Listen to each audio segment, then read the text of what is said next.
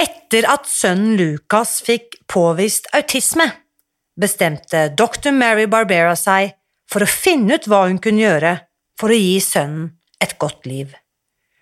Nå hjelper hun familier over hele verden.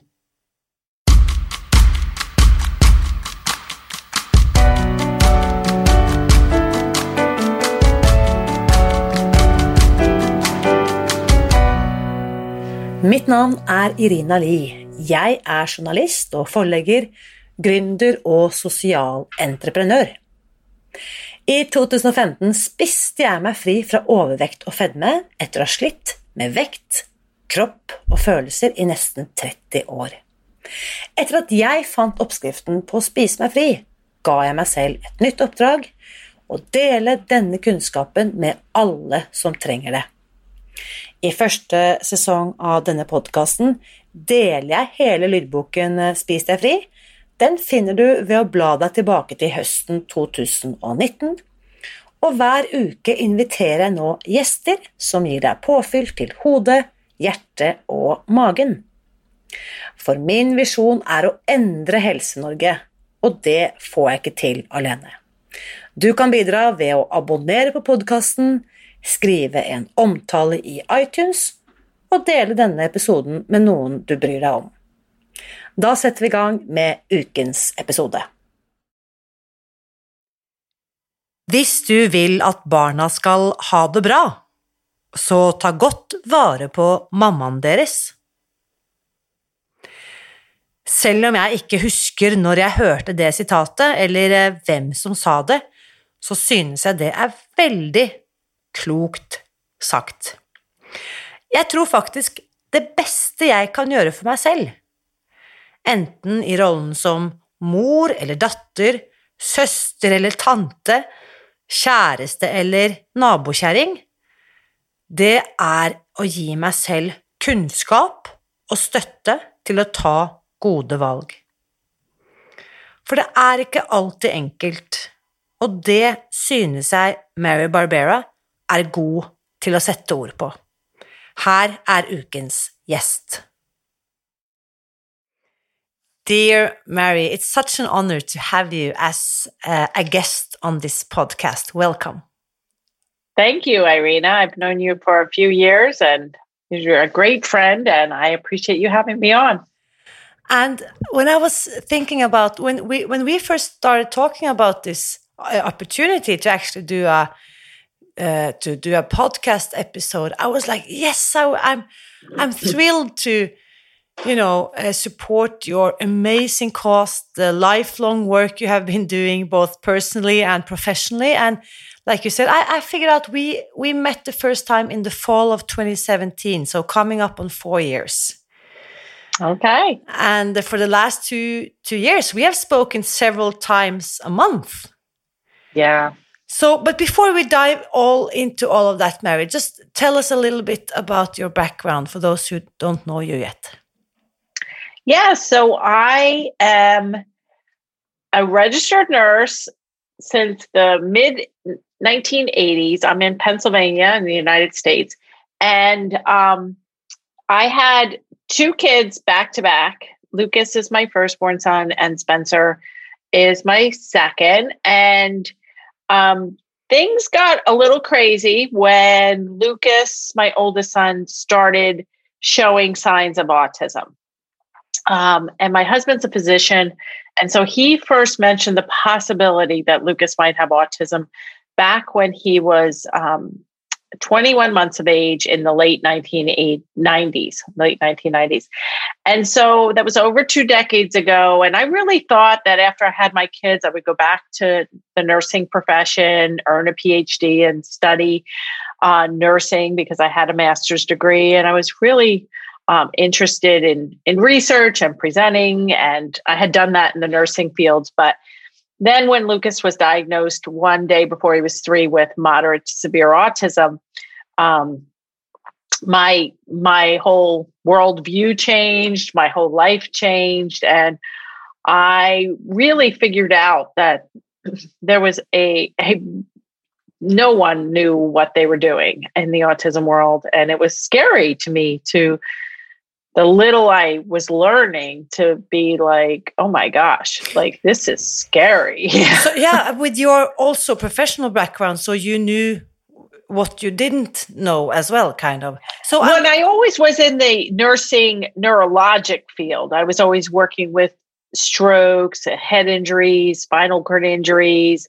Um, and so to me, like the whole neuro- neurological impairment and learning self-help skills like learning to talk or to eat again. And um, all of that you know was really priming me to get ready to tackle the whole autism world. But um, yeah so as my professional background it was like whoa this is like the wild west in mm. terms of like there's nothing.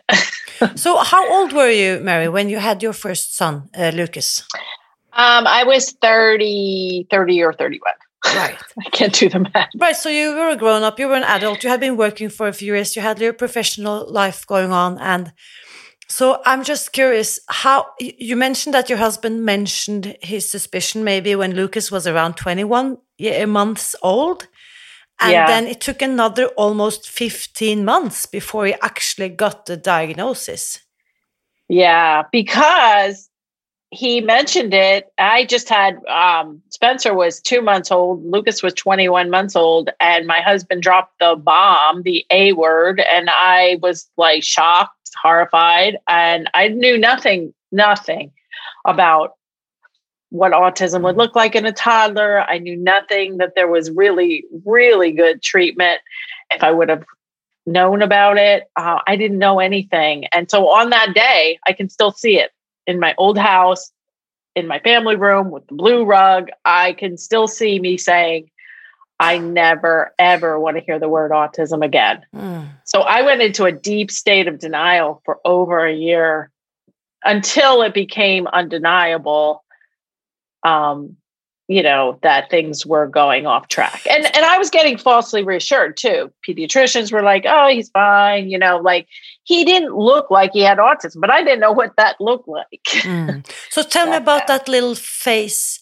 I think a lot of us can relate even not having experienced having an uh, autism child with autism but like getting some bad news and the first reaction i think it's very human to react with denial. Tell me about that reaction. And you have yeah. seen this of course i'm guessing with hundreds and thousands of families that you you have helped uh, through your work. But tell yeah. me about that state of denial. What's what's that all about? Yeah you i think you feel like if this is true you know if this is autism the curtain's going to fall. My quote unquote normal life is going to be ruined all of your expectations, even when we did get the diagnosis, and I, you know, we were in the car on the way home. We had just gotten the diagnosis of moderate to severe autism, and Lucas is buckled in the seat, not saying a word. I'm crying. My husband's driving, saying things like, well, I guess he'll never go to college. He'll never get married. He'll, you know, and so like all of those um, and I like yelled at him. I told him to shut up. Like, I'm like, your older brother never went to college. And, and, you know, we don't know, Spencer's only 18 months. We don't know if he's going to get into, God forbid, a car accident or whatever. Mm. And so, like, you know, this is an interesting question about like denial and expectations and like the whole like I want to live in the suburbs and a white picket fence and have 2.5 kids. Like all of that stuff just goes like shatters you know your whole world mm. view just goes like whoa mm. and you're right it's it's for anything and i'm like so not about sticking your head in the sand about anything you know um, you feel a lump on your breast or you have a nagging cough that won't go away or whatever it's like you have to get on it. You have to focus on prevention. You have to focus on catching the earliest signs and treating it, treating them aggressively, whatever it is, because it's only going to get worse. You know, my dad used to say, like, if your car's making a noise, it's not going to fix itself. yes. Why you putting it off? Yeah, wise word from an uh, uh, a grown up. So listen to what's his your dad saying, right? So I really want to like address this topic because uh, I think that knowledge makes us more. Um, you know, I can do make better choices for me and my family and my kids if I know more.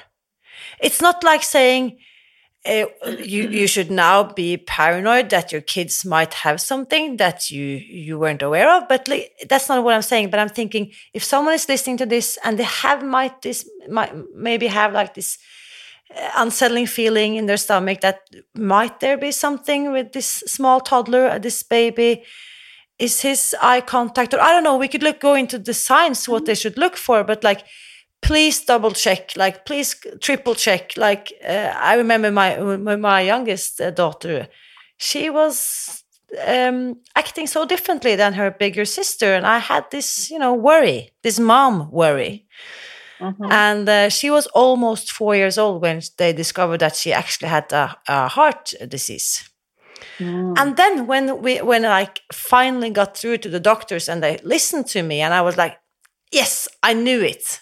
Like there was something, but I was never kind of taken seriously. I, I guess I was taken like a hysteric parent. So you have both ends of the spectrum. So if if you have something that might be an inkling that there's worth looking into, I, I would just say like go for it and look up whatever information is available. Yeah, I I I agree, and I think um, when we're talking specifically about these young children, so I wrote my new book, "Turn Autism Around: An Action Guide for Parents of Young Children with Early Signs of Autism," and the early signs of autism are actually also early signs of ADHD, early signs of learning disorders, early signs of speech delays, early signs that there's a developmental issue going on, and um, the statistics are really scary because back when Lucas was diagnosed, the, the rate of autism in the United States was one in 500, and now it's about one in 50. But another, even more alarming statistic in a lot of ways for your audience here is that one in every six children get an actual diagnosis of a developmental disorder, including autism, ADHD, learning disorders, speech disorders. So, um, you know and that that's not even including the kids that just have some delays or some differences. Um, so one of the the techniques in my book and you know like i have a chapter called is it autism adhd yes, or speech delay? You know like that sort of thing. And really in the end um, it doesn't matter what the diagnosis is or w- might be or will be because the treatment is kind of the same and it's all outlined in my book which is awesome. So but you want to talk about the uh, the some of the signs? Yeah because what you just mentioned i had a fantastic uh, guest on the podcast uh, last fall. She um, dug into the research connecting ADHD and uh, nutrition. Oh okay. Uh, uh, so it was like related in the topics but However, what you just said, like back in the 90s, it was one out of 500. Today, it's one out of 50, but one out of six has are, are on the spectrum, so to say, right? Well, have some kind of developmental right. disorder. And not, I'm, I'm just curious, spectrum, do you think but... do you think that they that more children have challenges now, or do you think that there was as many back then, but we just diagnosed fewer? I think the diagnostic um, diagnostics have improved. I think the stigma has improved. I think you know there, but I also think there are more, and um, there are more kids with problems, right. and there's there's a really fine line between severe ADHD and mild autism, and you know the diagnostic indicators and uh, you know, we used to use the DSM 4, now it's the DSM 5. It did change the way things are diagnosed. Um, so I think it's both. I think it's better detection, and I think there's more right, kids right. struggling yes. for a variety of reasons. Of Just course. like more kids are struggling with obesity yes. and anxiety, and, you know, it, it, it's it's in the sa- same um, camp that that all is in. Yes. But some of the some go ahead. No, so please, yeah, uh, uh, I interrupted you. Sorry. Hmm. Yeah, so some of the early signs to look for if if you think that your child might have some kind of developmental de- delay or disorder um, are uh, social language, like either so if you have a baby lack of babbling back and forth um, lack of social smiles as they get to be one and 18 months starting to talk in one word phrases then starting to put two words together then by three putting sentences together. But it's not just about talking it's also about understanding language following directions um, touching their body parts you know like if you say touch your belly and um, um, those sorts of things. And then um, lack of imitation. Uh, that's how most kids learn. Um, all kids learn through imitation. So they start babbling and then they start, um, you know, playing peekaboo and imitating. And that's kind of how, um, and then when they're two, you know, they see mommy sweeping the floor and they might get out their little broom or get out something that looks like a broom and start sweeping.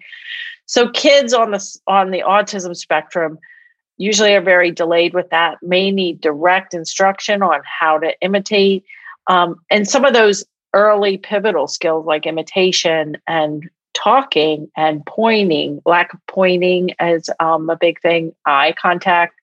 Um, kids on the spectrum can have very restricted interests and repetitive behaviors like they might be hyper focused on trains or letters and numbers um, or lining things up or spinning tops or spinning themselves um, and then another big red flag that i missed for lucas that was important was any loss of skills so mm. if your child is you know like lucas he was pointing and waving and talking a little bit and saying hi to people and and then um, singing little E-I-E-I-O songs. And then it wasn't like an abrupt boom, but it was like, and I was pregnant. So then I'm like, well, it's maybe just a phase. And, and always a picky or eater, which I have a whole chapter on eating and feeding in my book, which we can talk about. But, you know, it is confusing.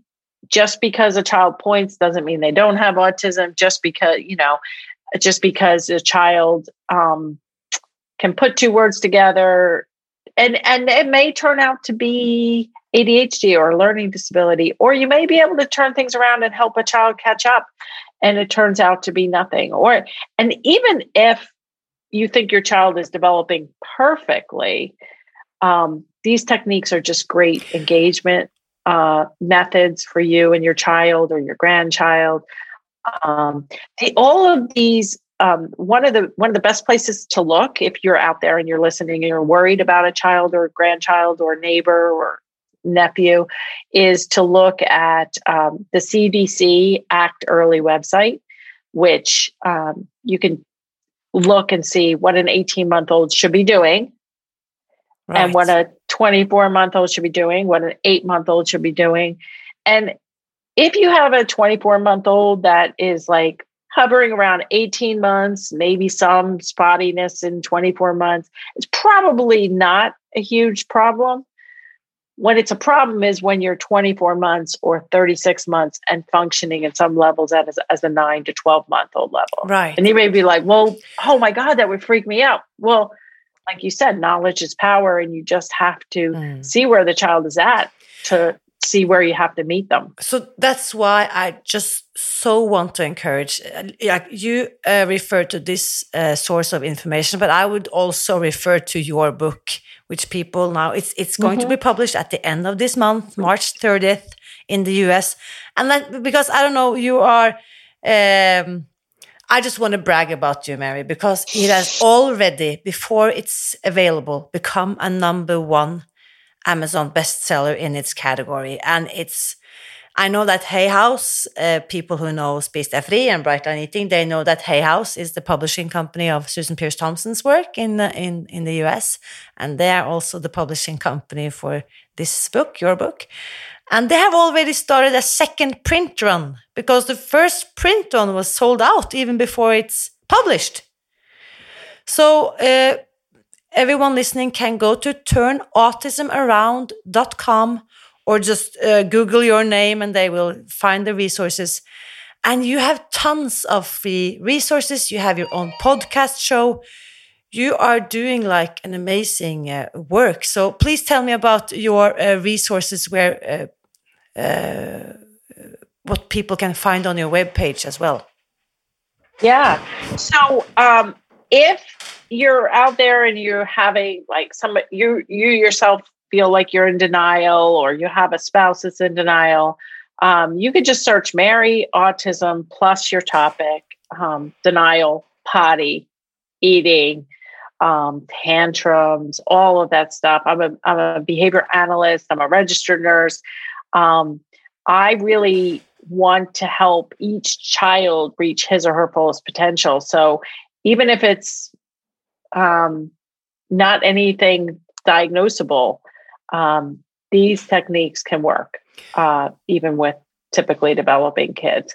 But one of the problems is that if, even if you think that your child has autism, um, at least in the United States, I'm not sure how it is in Norway, but the waiting lists for evaluations and treatment are very long.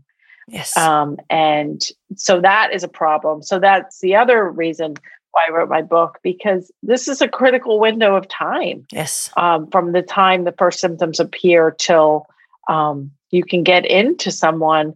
And sometimes that someone you get into isn't using valid tools. They're just kind of eyeballing mm. the kids, and you could get the wrong diagnosis or you could get multiple diagnoses really it's just a matter of looking like i have a one page assessment form a one page planning form and i'm really trying to empower the parents to um, go in eyes wide open and um, get things going so yes. that they become the captain of the ship. Yeah, and I just want to also like pinpoint that this is not a book for. Of course, other professionals will have a lot of tools that they can learn from this, but this is an action step, an action guide for parents.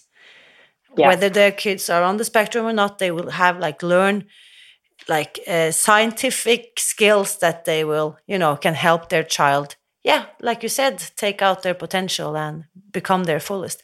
So I know that you have so many fantastic success stories. Like I know that also uh, uh in in Lucas's case, uh, you learned all this kind of in quote unquote like too late in order to help him with all the skills that you know now. But tell me about a few of the children that or the families you have worked with where you you got in early enough or they got their hands on your knowledge early enough. What what have they yeah. achieved? Yeah. Yeah. And and lucas is like i said 24 now. And he's you know but he's still very impaired with moderate severe autism mild intellectual disability. But he has made tons of progress with all, everything i learned. But i truly believe that if i had my Turn Autism Around book, if I had the knowledge in there and I had this book, that his life would be very different. So, some of the kids I talk about in my book, I talk about Chino in chapter one, who was a little boy. And I started out with him when he was 20 or 21 months of age. And literally, out of the hundreds of thousands of patients and clients I dealt with, he reminded me the most of Lucas. He was quiet he wasn't doing anything obviously autistic. And the family didn't even know like they were sending me i'm like ding dong i'm your early intervention professional. And by the way i wrote a best-selling book on autism. Um, and you know the parents are like well i didn't go in like that but you know they found out that i was an autism expert. They're like does he do they think he has autism? You know they weren't pursuing that diagnosis. I just was assigned to him. But he did remind me the most of Lucas. And, um, you know, for the first six months of, of therapy, I was thinking he was going to have really a similar trajectory to Lucas. He, in my safety chapter, I talk about him, Chino. Um, before he was three years old, um, his mom went into his bedroom to dress him and she's like, Where are Chino's clothes? So she asked the dad, Where are Chino's clothes? And he's like, I don't know. How could all of Chino's clothes be gone? Right? Chino was in an older house, second floor, opened the window, threw all his clothes out on the roof, and closed the window on wow. his own before the age of three. And he was not a big three year old. Um, so like he was doing stuff like that. He was leaving the house. The neighbors were finding him. Um, he had a, a, older sister and a younger sister, both like they were very close in age. Um, and he had what I now call pop out words, which are words, but you don't know how to get him to talk more. Well, now I do know how to get him to talk more. But anyway, after after six months of pretty intensive therapy and a diagnosis of moderate to severe autism, he began to turn around really well. And um, the family was bilingual. Um, they planned to raise their kids by, in a bilingual household. In the beginning, we started with English, um, and uh, he is bilingual, fully conversational, and um, doing very well. So he's one of the success stories. I have actually videos of him um, uh, that are pretty remarkable. Mm. So, in addition to my book, um, if you purchase the book and then you can go on turnautismaround.com, you can get the book bonuses, which include Chino's pre and post um, uh, videos. Fantastic. Just one minute clips, two minutes clips, so you can actually see them. They're one year apart. But let me fast forward because you know I don't see clients one to one. That was he was one of my many clients that I actually created my step by step approach and worked with yeah. the parents and got videos and everything. But with my online course, my toddler preschooler course, which I started in 2017, um, when we met, Irina, and I really didn't know if it was going to work well because I wasn't going to see the kids. I wasn't going to look at the videos. It was really going to be a step by step, but you do it and we'll see how it how it goes. And those success stories helped me create the book because mm-hmm. you know there are many many success stories that uh, of people I've never met and I've never helped them directly. But one in particular was a mom that joined during the pandemic so she got the diagnosis for her 24 month old uh, in February of 2020. And then she had heard about the ABA therapy, applied behavior analysis therapy. And she was like, okay, get the diagnosis, get enrolled in this therapy. That's your best, you know, chance of success.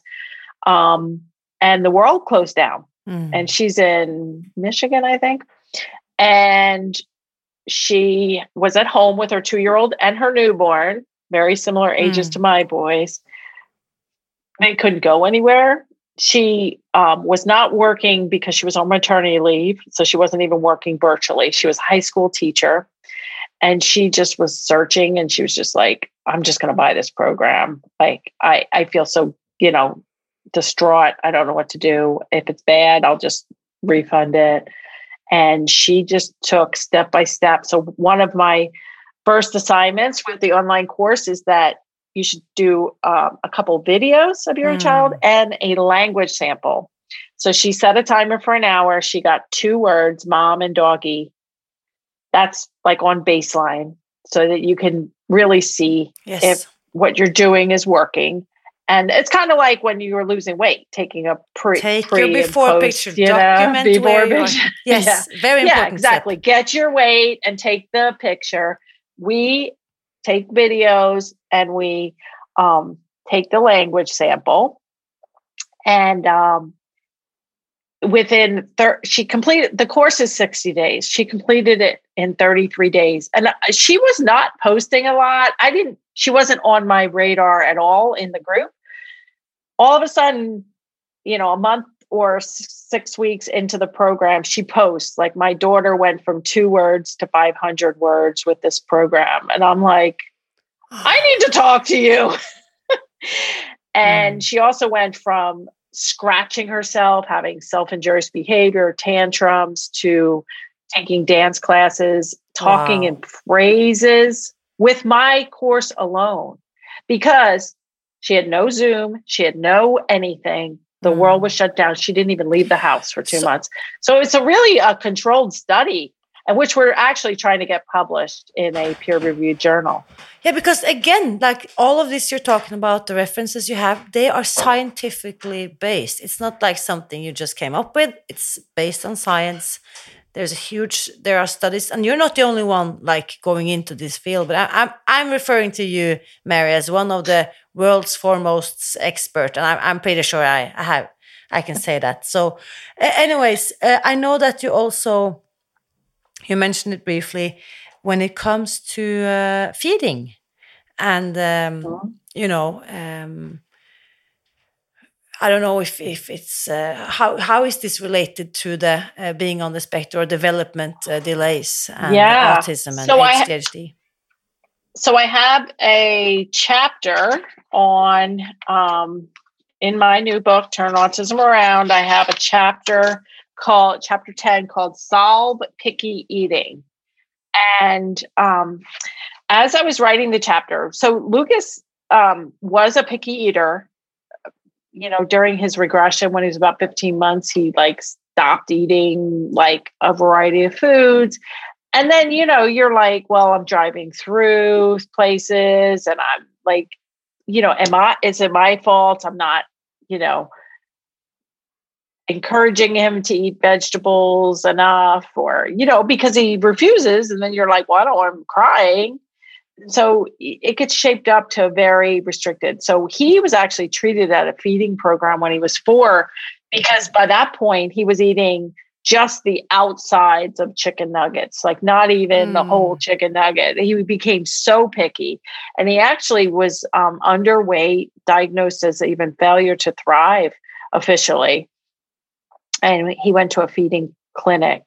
And so a lot of my clients also were picky eaters. A lot of kids um, also have trouble transitioning from bottles and pacifiers to cups, straw drinking, open cup drinking. Those are 18 month skills typically.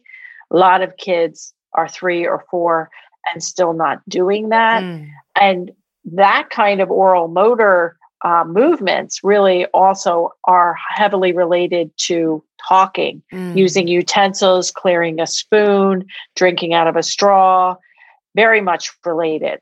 And so I went on, I'm about an hour from the Hershey Medical Center where there's an international expert on feeding and kids with autism. He happens to be a behavior analyst as well. And I had um, him, Dr. Keith Williams, on my podcast um, and he read the book, is specifically chapter 10 when I was drafting it.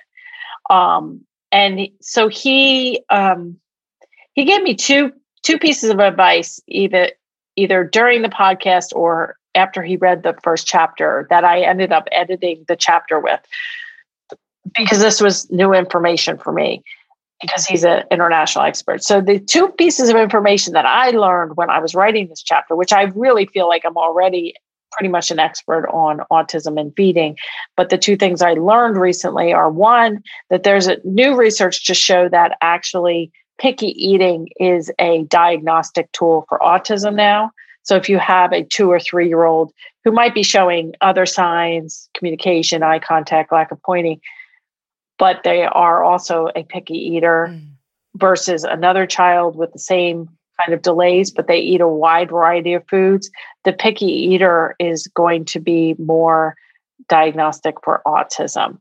Um, and then the second thing he told me, which I added to my book, is that most um, parents only try like broccoli or something one and a half times before yeah. the kid fuss before the kid cries enough to be like, yeah, we're not doing broccoli. Um, and actually, kids and adults, I think, but this uh, this was on kids um, need to taste things ten to fifteen times um, to determine if they like it or not. I've heard that exact same number. You need to expose your taste buds for new acquired tastes like 15 times and that is a huge learning, uh, like a reminder for parents or grown ups, adults as well, because people, yeah. I, I so often hear, yeah, but I don't I don't really like vegetables or I don't really like fish or like okay, so how often do you actually expose yourself in order to be curious at least how will this taste this time because things actually change how you perceive them so that's a mm-hmm. fantastic mm-hmm. reminder uh, I, am I'm, I'm pretty sure without having any of the statistics available I'm, I'm pretty sure that norwegian parents probably introduce stuff one and a half times as well until they're like thinking ah i don't think he's into broccoli and then they'll skip it right yeah I, I, I do ha- i do have a another um chart in the book that I think your listeners would would like. So if you have a picky eater with or without any signs of autism with you know it doesn't matter how old they are if you have a really picky eater that you're trying to help ex- expand kids with autism also tend to be specific in terms of like brands. Like they'll eat the yellow mac and cheese, but they won't eat the white stuff, or they'll eat, you know, this type of chicken nugget, but not that type of chicken nugget. And um, so I created this food list form um, when my one of my success stories, Kelsey, who joined the online course. I never met her. She's in Canada, but she she's a single mom of two kids. They both ended up with autism. And she was as I was creating the toddler course, she was sending me videos to to show them and it was like a disaster with the feeding. So I was like, okay, we we need to step way back. So I created this list. You could just take a piece of loose leaf and you could um actually let me just draw it out here because it'll be easier for you all to see. So you take a piece of loose leaf and you write easy. Remember, people won't see it on the podcast, right? Oh, okay. Okay. Well, on the podcast, you can just envision it. And you can also search Mary Autism Feeding because I have a feeding blog with this whole thing. Okay. And you're going to order the book and it's going to be in the book and the book resources too. okay. So it's three columns. For those of you who can see it, I'll hold it up. Yes. But easy, medium, and hard. And so easy foods are foods and drinks that the child will eat readily. Um, you know, and with uh, the chart in here, which is Kelsey's son Brentley's chart, um, is you know things like on the easy, highly preferred um, part of the part of the form. It's blueberries, strawberries, orange. So he has some fruits, which is more than most kids on the spectrum. Mac and cheese, yellow. Fries, chicken strips. So that's very common. Um, peanut butter jelly sandwich, yogurt, and then we get into junk food: donuts, ice cream, candy, right. cookies, pretzels. You know, um, but literally that's his list of easy foods.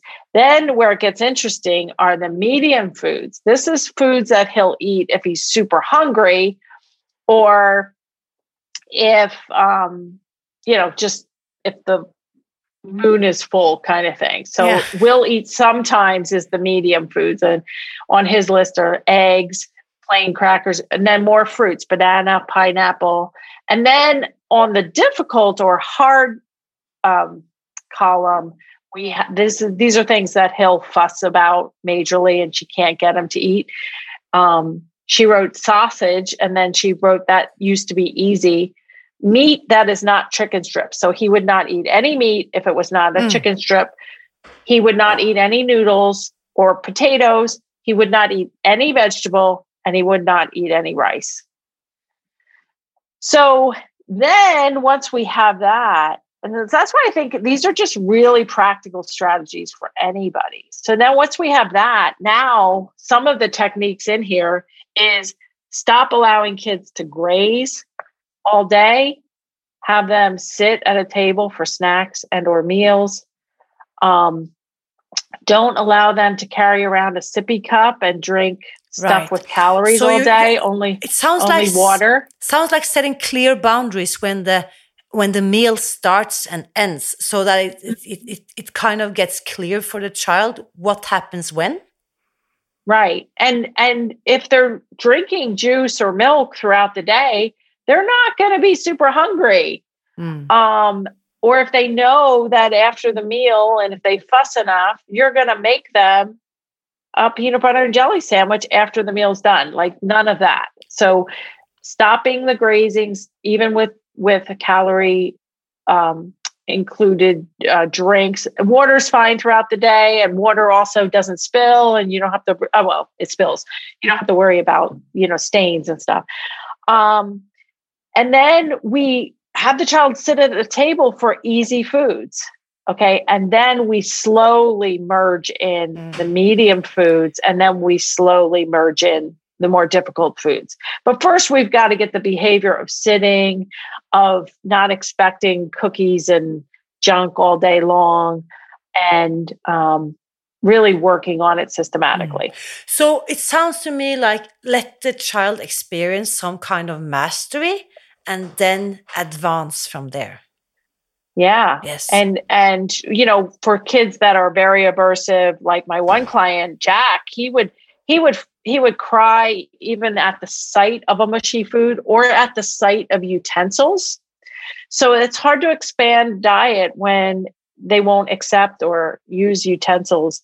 Um, so for him, we even started with an easy food, a corn chip on a spoon. Mm. And we're not going to stop there, but that was yes. helpful in getting us going. And Fantastic. like you said, having some kind of mastery and some kind of success. Uh, this might sound strange to you, Mary, but I'll say it anyways. Uh, it's very similar to how we change our habits around food, like what I what I teach people in how to change uh, grown-ups habits and even if they're not on the spectrum or even if they are actually I've, I've never talked about that, but actually, a lot of people who are on the spectrum have had fantastic benefits by changing their diet and eating yeah. like building new habits around meals. So I now understand based on what you're saying. Yeah. This makes perfect sense.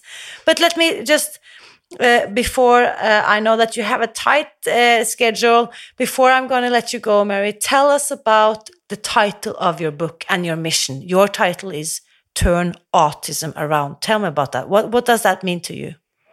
Yeah, so it Turn Autism Around is the name of my new book. It's also the name of my podcast. I came up with the name um, when I was creating my podcast, and I took uh, Pat Flynn's podcast course, and you know, it was like pick three words, preferably, um, and I knew I wanted autism to be part of that.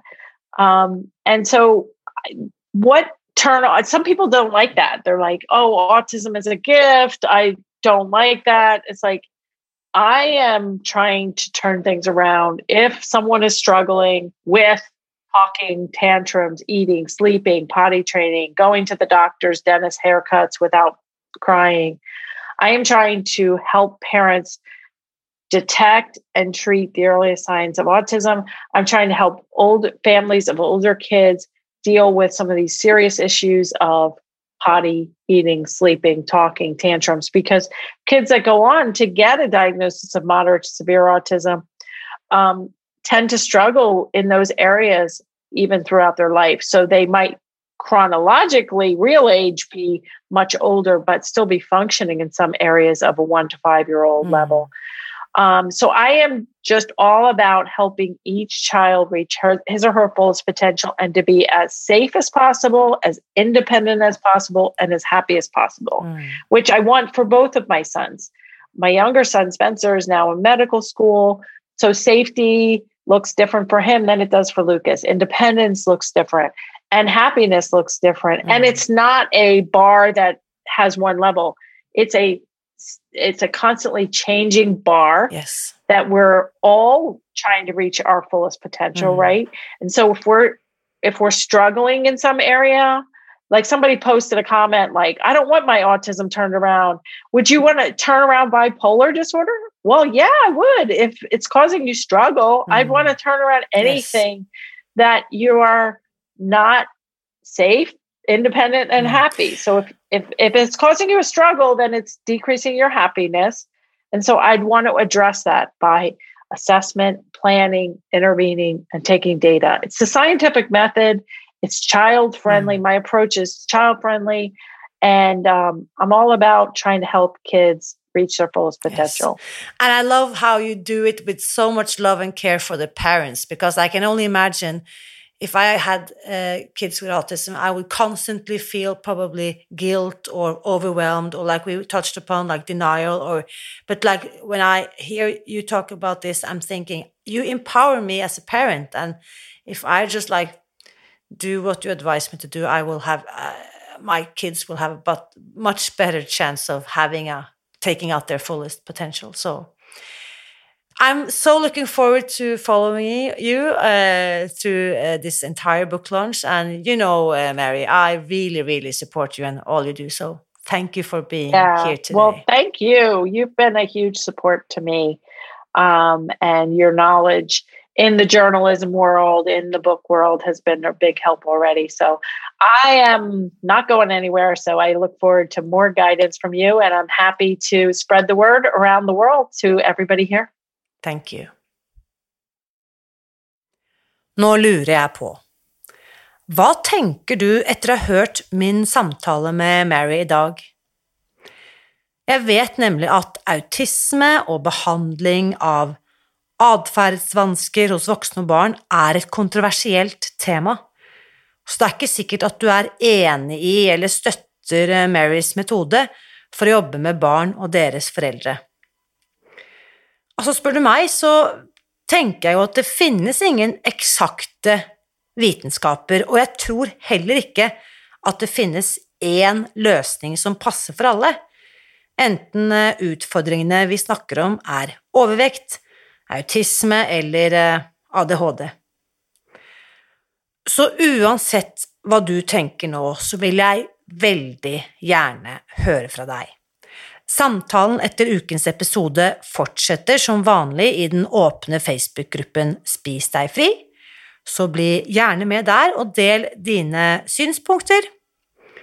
Og på tampen av denne uken så har jeg også en veldig god nyhet til deg, nemlig at eh, vi nærmer oss jo påske, det er ingen nyhet, men neste, og neste uke så begynner jo påskeferien for eh, mange, som ofte kan være ensbetydende med mer mat, mer drikke og mer godteri og kos.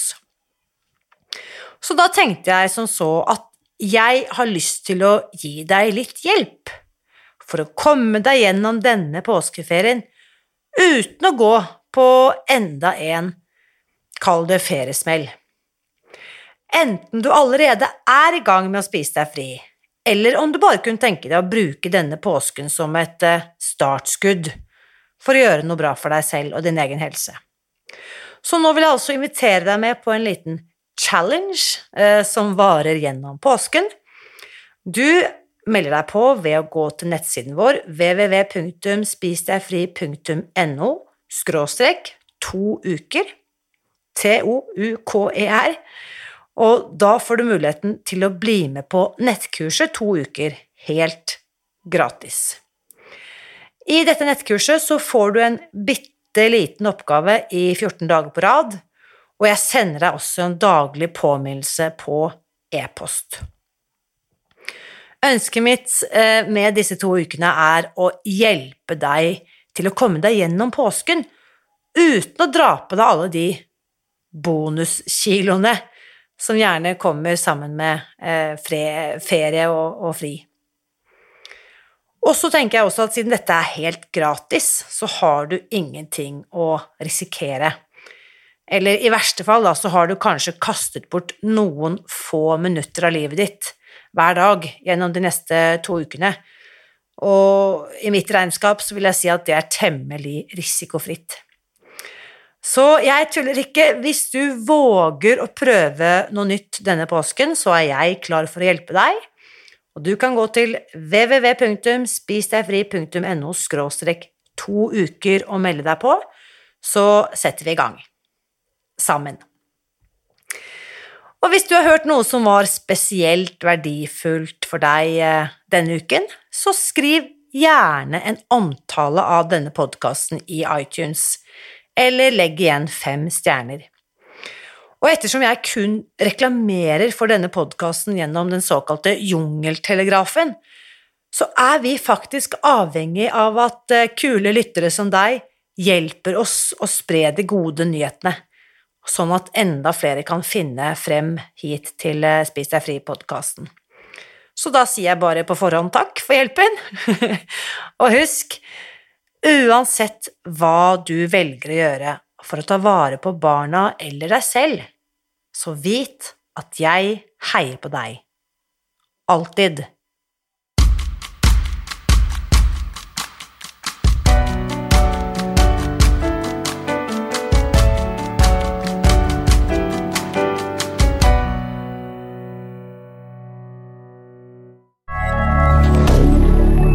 Media.